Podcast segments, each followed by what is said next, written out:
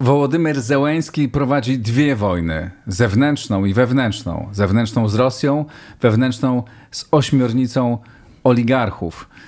Padają e, zarzuty o zdradę stanu, jeden po drugim za kraty trafiają politycy i biznesmeni. Dużo się dzieje. Jak wygląda ta walka i czy Zełęński ma szansę na oczyszczenie państwa po wojnie? O tym dzisiaj w Układzie Otwartym. Jak zawsze bardzo serdecznie dziękuję wszystkim tym, którzy wspierają Układ Otwarty na Patronite. E, dzisiaj wymienię kilka osób, które właśnie dołączyły.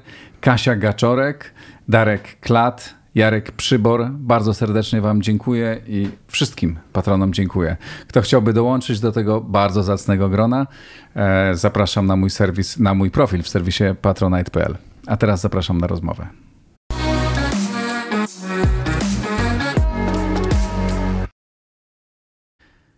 Zbigniew Parfianowicz, e, Dziennik Gazeta Prawda, witaj serdecznie. Dzień dobry. Oleksij Daniłow, sekretarz Rady Bezpieczeństwa e, Obrony Ukrainy, powiedział niedawno, kilka dni temu, że 86 osób spełnia kategorię bycia oligarchą. A jak rozumiem, to jest wstęp do rozprawienia się z, z właśnie z oligarchami, którzy tak naprawdę zniszczyli Ukrainę przez ostatnie 30 lat. Jak, to, jak dzisiaj ta walka wygląda?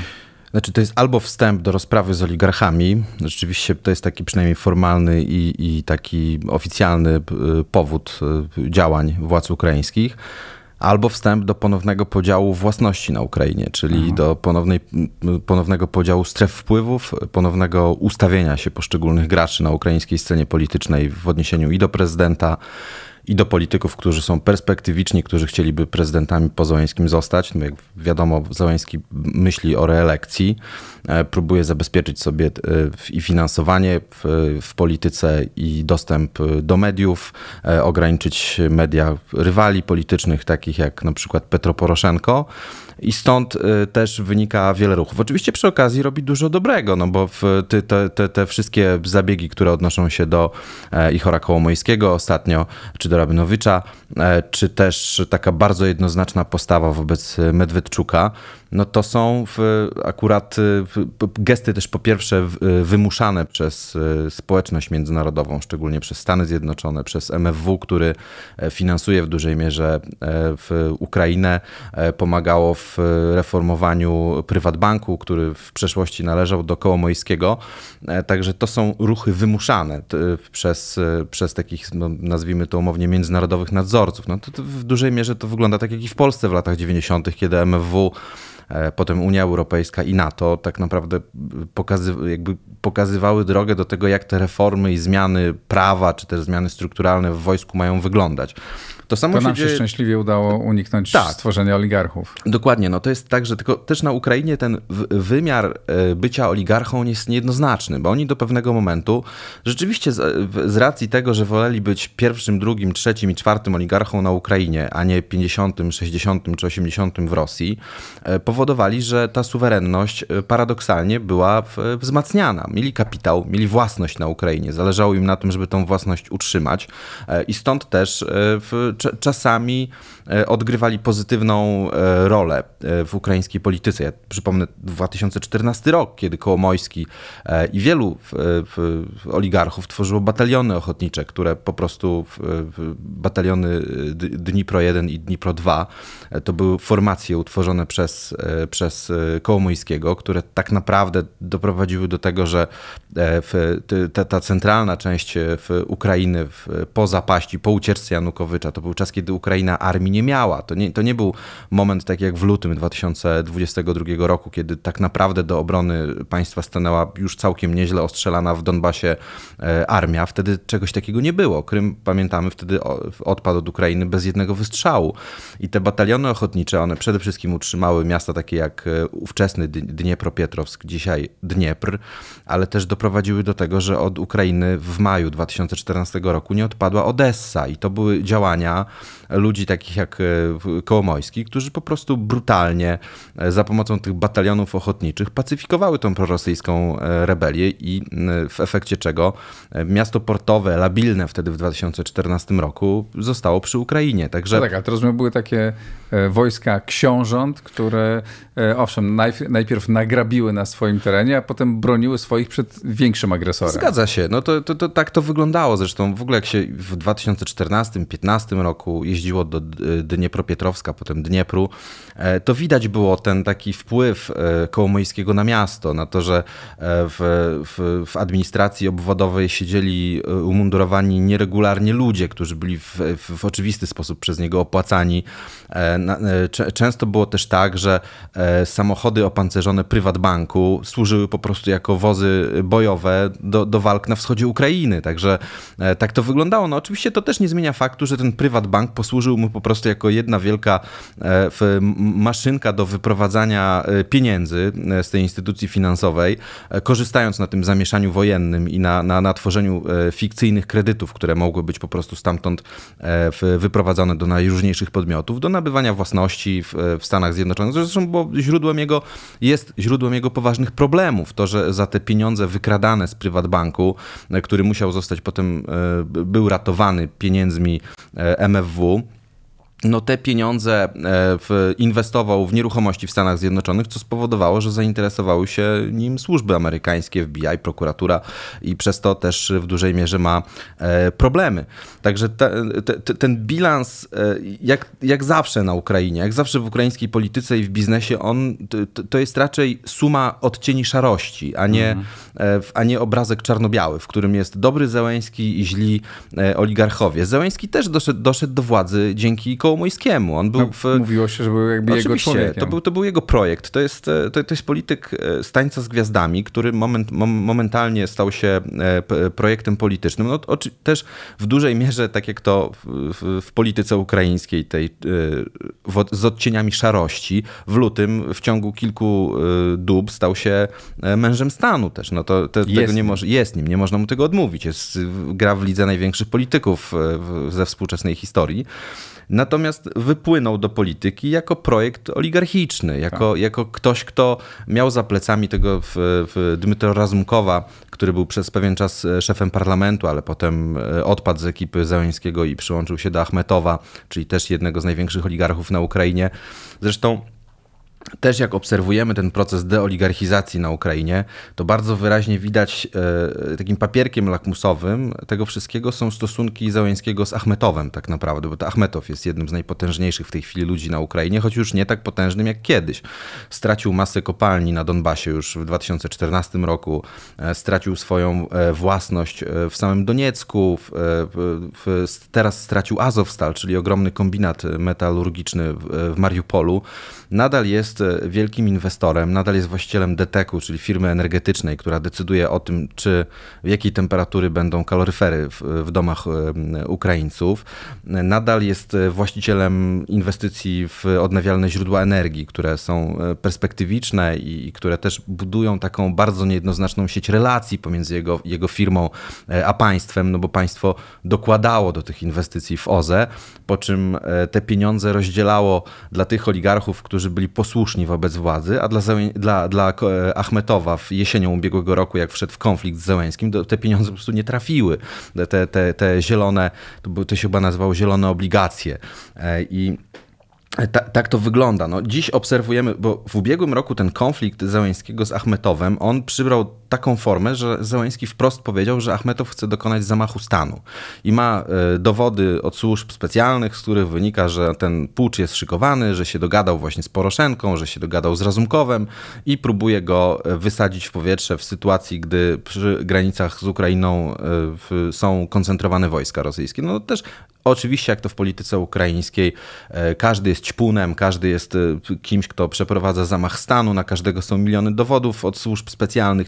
Niestety te instytucje, e, tak jak SBU, które powinny rzeczywiście zbierać rzetelne materiały na kogoś, kto chce przeprowadzić zamach stanu, są po prostu narzędziem w rękach polityków. I, I to się nie zmieniło? I w dalej przypadku tak SBU tak jest dalej. O to, to mhm. Oczywiście ta instytucja jest o wiele bardziej sprofesjonalizowana, co, co, bo zawsze tak te instytucje, które działają w cieniu i przykryte tajemnicą państwową, można oceniać po rezultatach pracy. Jeżeli weźmiemy pod uwagę, potraktujemy jako rezultat rozpracowanie grupy Wagnerowców, którzy mieli zostać przez SBU i wywiad wojskowy zwerbowani i potem doszło do ich dekonspiracji na Białorusi. To, co prawda to jest operacja niedokończona, no ale można mówić o wielkim sukcesie Ukraińców, o tym wglądzie w takie tajemnicze i nieprzejrzyste struktury jak grupa Wagnera. Ale mimo wszystko to jest ogromny moloch z ogromną siecią delegatur regionalnych, podpiętych pod najróżniejszych lokalnych polityków. Ja to też widziałem na przykładzie Zakarpacia, gdzie jest dwóch oligarchów, było do tej pory, czyli Bałocha i Medwedczuk. Medwedczuk niedawno aresztowany, kum Putina, prorosyjski polityk. Każdy z nich miał swój układ w prokuraturze, w sądach, w służbach specjalnych, obstawiał swoimi krewnymi, ziomkami, e, przyjaciółmi. E, te instytucje nie mogły działać e, państwowo, jeżeli były poobstawiane. Każdy miał swoją strefę wpływów wyznaczoną w, w, w tych instytucjach, w, w, resortach siłowych, nazwijmy to, na, na, na potrzeby tego właśnie, te, te, te, tych rozważań, tej analizy. I te SBU tak samo zostało w ubiegłym roku wykorzystane przeciwko Achmetowowi. No dzisiaj Achmetow jakby nie ma, e, nie prowadzi się wobec niego ofensywy. Z kilku powodów. No tak jak mówiłem, Achmetow odpowiada w dużej mierze za e, kwestie energetyczne. E, nawet jak wybuchła wojna, to Detek gromadził zapasy gazu w zbiornikach, które były w posiadaniu, których właścicielem jest Achmetow.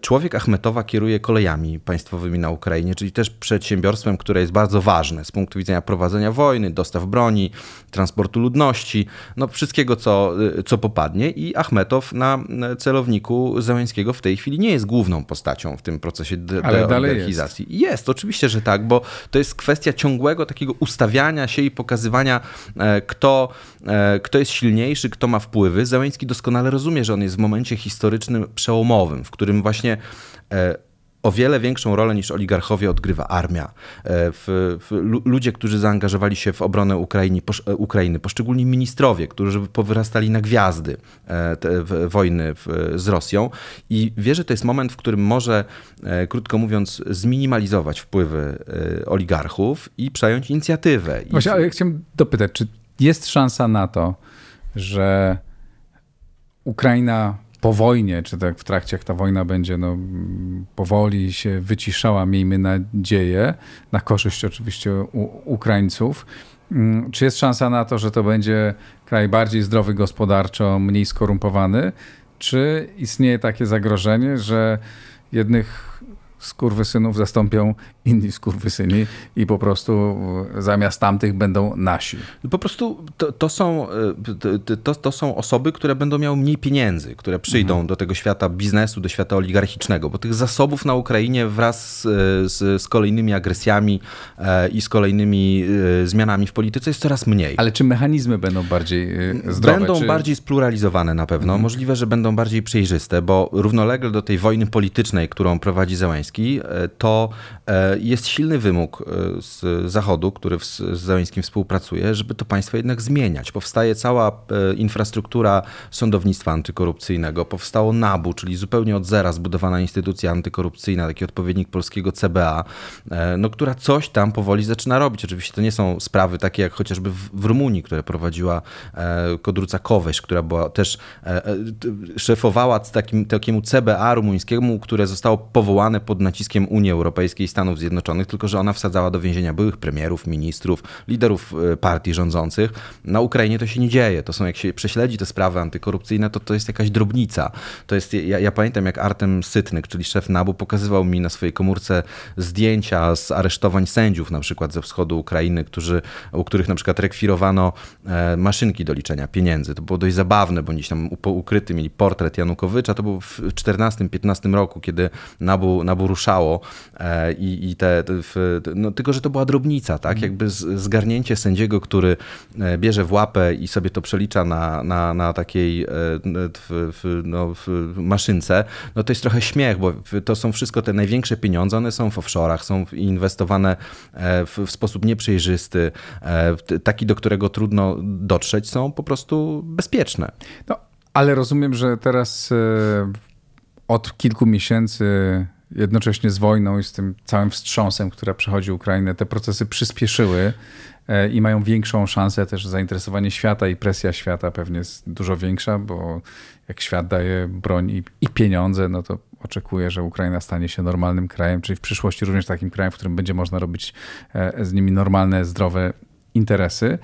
E, czy jak byś ocenił szanse na powodzenie tego procesu i jakie są, czy są zagrożenia związane z powstawaniem nowych e, mafii? No bo nie ma dwóch zdań. Jak jest taki handel bronią, jaki w tej chwili, jak jest taki przepływ, gigantyczny przepływ e, broni, w ogóle wszelakich dóbr, e, no, bardzo niestandardowymi drogami, no bo inaczej się nie da, no to patologie muszą przy tym być, bo wszędzie na świecie w takiej sytuacji są, no, a, a, Ukraina jeszcze była takim krajem, jakim była. Czy tu się nie rodzą nowe e, mafie, nowe ośmiornice? Znaczy te układy będą się rodziły, chociaż sam proces co do zasady, jeżeli Zełenski obroni Ukrainę przed e, Rosją, to ten e, wektor zwrot tego procesu no, idzie, jest skierowany w dobrą stronę. To, jest, mhm. to, to jest powolny proces, ale mimo wszystko to, to tam dochodzi do wymiany elit i biznesowych, i politycznych, e, do, do pluralizacji tego życia e, oligarchicznego i biznesowego.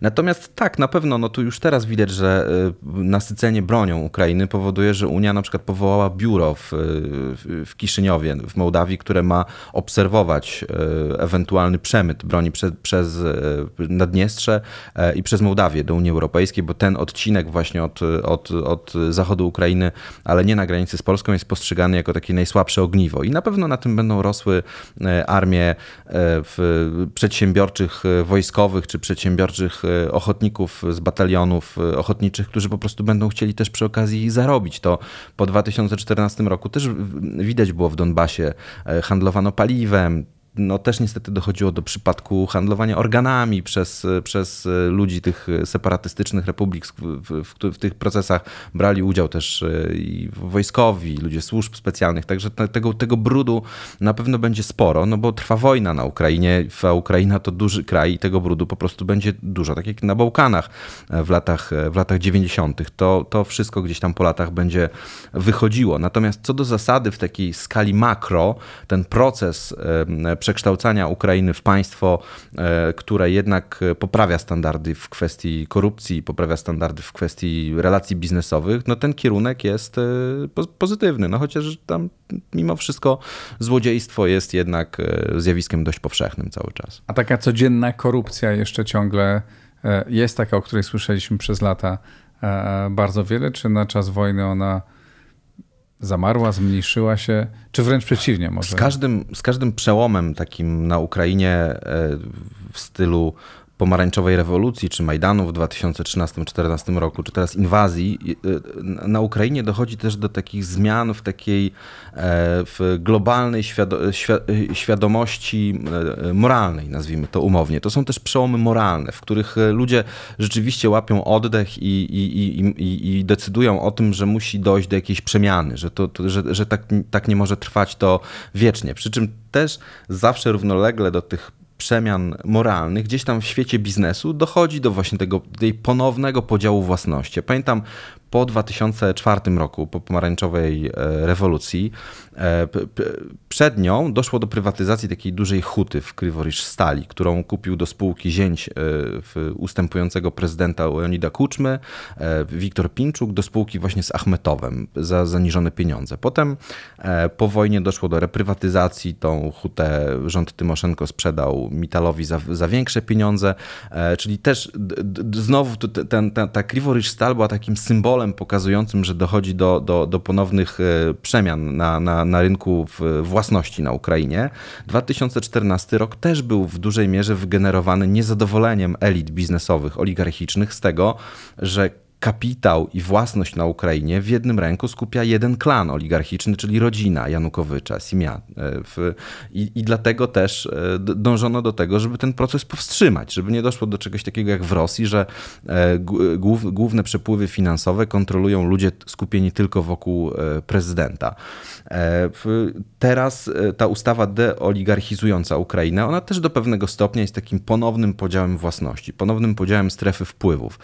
Ale ja, ja mam wrażenie, że mimo wszystko każdy z tych procesów zawsze niósł jakiś, jakiś pozytywny, pozytywny bagaż dla, dla Ukrainy. To zawsze miał jakiś wymiar oczyszczający, pokazujący, że tym oligarchom nie wszystko wolno, że oni nie są, że, że taka prywatyzacja Stali to nie jest coś, co jest nieodwracalne i coś, czego nie można, nie można odkręcić. Także no w tym sensie to są zawsze procesy katalizujące jednak zmiany w odpowiednim, w dobrym kierunku. A czy jesteś w stanie sobie wyobrazić, że po zakończeniu wojny. Proces tworzenia jakby na nowo układania władzy, następne wybory mogą się odbyć w normalny sposób w takim kraju, który jest no, jakby z, z, zniszczony kompletnie, z rozbitym wszystkim, e, z rozbitymi instytucjami, czy raczej czeka nas taki model nie wiem, turecki i, i będzie próbował Załański prostu razem z wojskiem zbudować e, e, silny, silny obóz, taki trochę demokratyczny, ale trochę niedemokratyczny, no bo powie, no teraz jest okres przejściowy, to jest taka trudna sytuacja, wiecie, rozumiecie, inaczej, inaczej się dzisiaj nie da, a potem to a potem, no wiecie, rozmycie tak już jest, to może nie zmieniajmy tego. Ja mam wrażenie, że Zełęński rozumie, że wszelkie takie formy takiej jednoznacznej autokratyzacji władzy, one muszą się skończyć na Ukrainie niepowodzeniem. Mhm. E, ta, ta, ta e, kumulacja władzy, konsolidacja władzy, ona zawsze wynikała z, z dostępu do admin resursu i pieniędzy, dużych pieniędzy, czyli za, do zasobów państwowych i do pieniędzy, pieniędzy oligarchów, ale nigdy e, nie, nie, żaden z, z polityków, który chciał to spuentować taką właśnie autokratyzacją jednoznaczną, e, zawsze poległ. Z, prostego powodu. Ukraińcy mają bardzo silnie rozwinięte e, w, w społeczeństwo obywatelskie, nazwijmy to umownie. Nie lubię tej nazwy, ale rzeczywiście na Ukrainie społeczeństwo znacznie bardziej przerasta swoją dojrzałością elity polityczne. I A teraz pewnie jeszcze, jeszcze zachodzi jakaś wielka rewolucja, Oczywiście, oni mają świadomość, że dokładnie, Ukraińcy, zwykli Ukraińcy mają świadomość, że płacą cenę za, za wywalczanie niepodległości dla Ukrainy. Tak jak właśnie w tym e, te, w takim słynnej hipotezie, która mówi o tym, że oni w prezencie dostali tą niepodległość e, na początku lat 90., a teraz dopiero od tego 2014 roku muszą ją wywalczyć. W zasadzie od 2004, od tych, czy nawet też jeszcze od e, protestów Ukraina bez kuczmy, kiedy rodziły się właśnie te wszystkie zasoby społeczeństwa obywatelskiego ukraińskiego. I ten, te ludzie na Ukrainie są świadomi tego, że oni płacą osobistą cenę. Ktoś zginął w ich rodzinie na froncie na wschodzie, ktoś zginął w ostrzale, ktoś stracił własność, ktoś musiał e, wyprowadzić się ze, swojej, ze swojego domu. E, to są, to są zastępy ludzi, którzy mają świadomość, że zapłacili dużą cenę i nie pozwolą sobie łatwo wejść na głowę, czy to e, oligarchom, czy to, czy to politykom. No i w tym sensie każda próba takiej jednoznacznej autokratyzacji Ukrainy wydaje mi się, że musiałaby się skończyć niepowodzeniem. Tak jak zawsze się kończyła tak. niepowodzeniem. Władimir Zełański sprawia wrażenie człowieka, który ma bardzo dobry słuch społeczny, tak? I ten sposób, w jaki rozmawia ze społeczeństwem, wydaje się, no, że świadczy o tym, że rozumie, co się dzieje i, i co można, czego, czego nie można. Czyli raczej byś obstawiał, że jest duża szansa na to, że ten proces demokratyzacji również będzie tam postępował w miarę dobrym kierunku. Zdecydowanie. No to jest tak, że oni w 2014 roku na Majdanie to, to był protest nie o to, żeby podwyższyć pensję w budżetówce, tylko to był protest, w którym dokonano jakiegoś wyboru geopolitycznego, mm. że mhm. opowiedziano się za, e, po zerwaniu rozmów z Unią Europejską, opowiedziano się za tym, że Ukraina chce być po prostu na Zachodzie, chce być częścią Zachodu, a nie być częścią e, tej Sowiecji, którą oferowało, oferuje im Rosja. I ten proces postępuje, wojna to wszystko utrwala. Zwłaszcza jeszcze będzie bardzo duży wpływ e, Zachodu i Stanów Zjednoczonych, które na pewno postawią swoje tak, no, warunki, no, bo to nie są tylko miłe Oczywiście, misie, że tak. No, to, to, to, pomagają za darmo. Pewnie, no ta, ta, ta pomoc, ona, ona w, tworzy też pewien klientelizm ze strony państwa, które mhm. te wsparcie oferuje i w, do, do, ta, taką rolę też Ukraina będzie odgrywała. No to jest to, tak jak mówiliśmy o tym procesie e, zmian w Polsce. One były w, w latach 90. w dużej mierze po prostu oktrojowane przez instytucje międzynarodowe i to, to, nie, był, to, to nie był proces, e, w, który ktoś usiadł w KPRM-ie i sobie wymyślił. Całe, musieliśmy się zdecydować na przyjęcie całego prawa unijnego, z, z, z, doprowadzić do tego, że polskie prawo było w pełni zgodne z, z regulacjami unijnymi. I to samo czeka w Ukrainę i, i dobrze w gruncie rzeczy, żeby się znalazła po właściwej stronie e, muru czy też barykady. Już prawie, je, już prawie tam jest, tylko musi utrzymać swoją pozycję. Niech tak się dzieje. Zbigniew Parfianowicz, Dziennik Gazeta Prawna. Serdecznie Ci dziękuję. Dziękuję. To wszystko na dzisiaj. Dziękuję bardzo. Wspierajcie na Patronite, subskrybujcie, lajkujcie, komentujcie. Do następnego razu.